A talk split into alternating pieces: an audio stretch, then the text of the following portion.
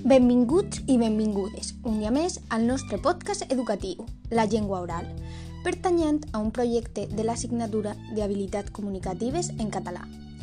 Jo sóc Clara i avui vos presentaré l'episodi segon del nostre podcast, Períodes de l'adquisició del llenguatge. Podem destacar quatre etapes en l'adquisició de la llengua. En primer lloc, l'etapa prelingüística, durant el primer any de vida. En segon lloc, el període d'un mot, des d'un any fins a l'any i mig. En tercer lloc, les primeres combinacions de mots. I en quart lloc, les frases simples i compostes, que arriben fins als 3 anys. Durant el primer any de vida hi ha una gran activitat social i comunicativa basada principalment en la relació afectiva entre mare i fill. D'aquesta manera, el xiquet comença a tindre les primeres experiències comunicatives. Posteriorment, hi ha un desenvolupament del que destaquen els conceptes de referència i requeriment, basada en una interacció triangular entre l'objecte, el xiquet i l'adult.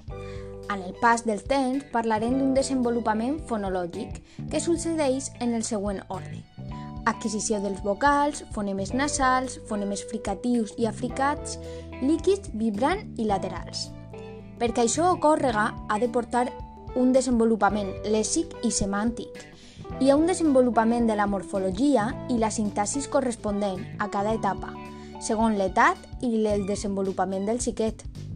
En conclusió, és un procés que va des de lo més senzills, començant per la comunicació no verbal, dels bebès fins al més complex, que és la capacitat d'expressar-se a través de frases més complexes i estructurades. D'altra banda, hi ha diferents factors que intervenen en l'adquisició del llenguatge, com pot ser la zona de desenvolupament pròxima, les motivacions profundes, el jo simbòlic, per tant, és important tindre's el compte per a facilitar el desenvolupament del més xicotet.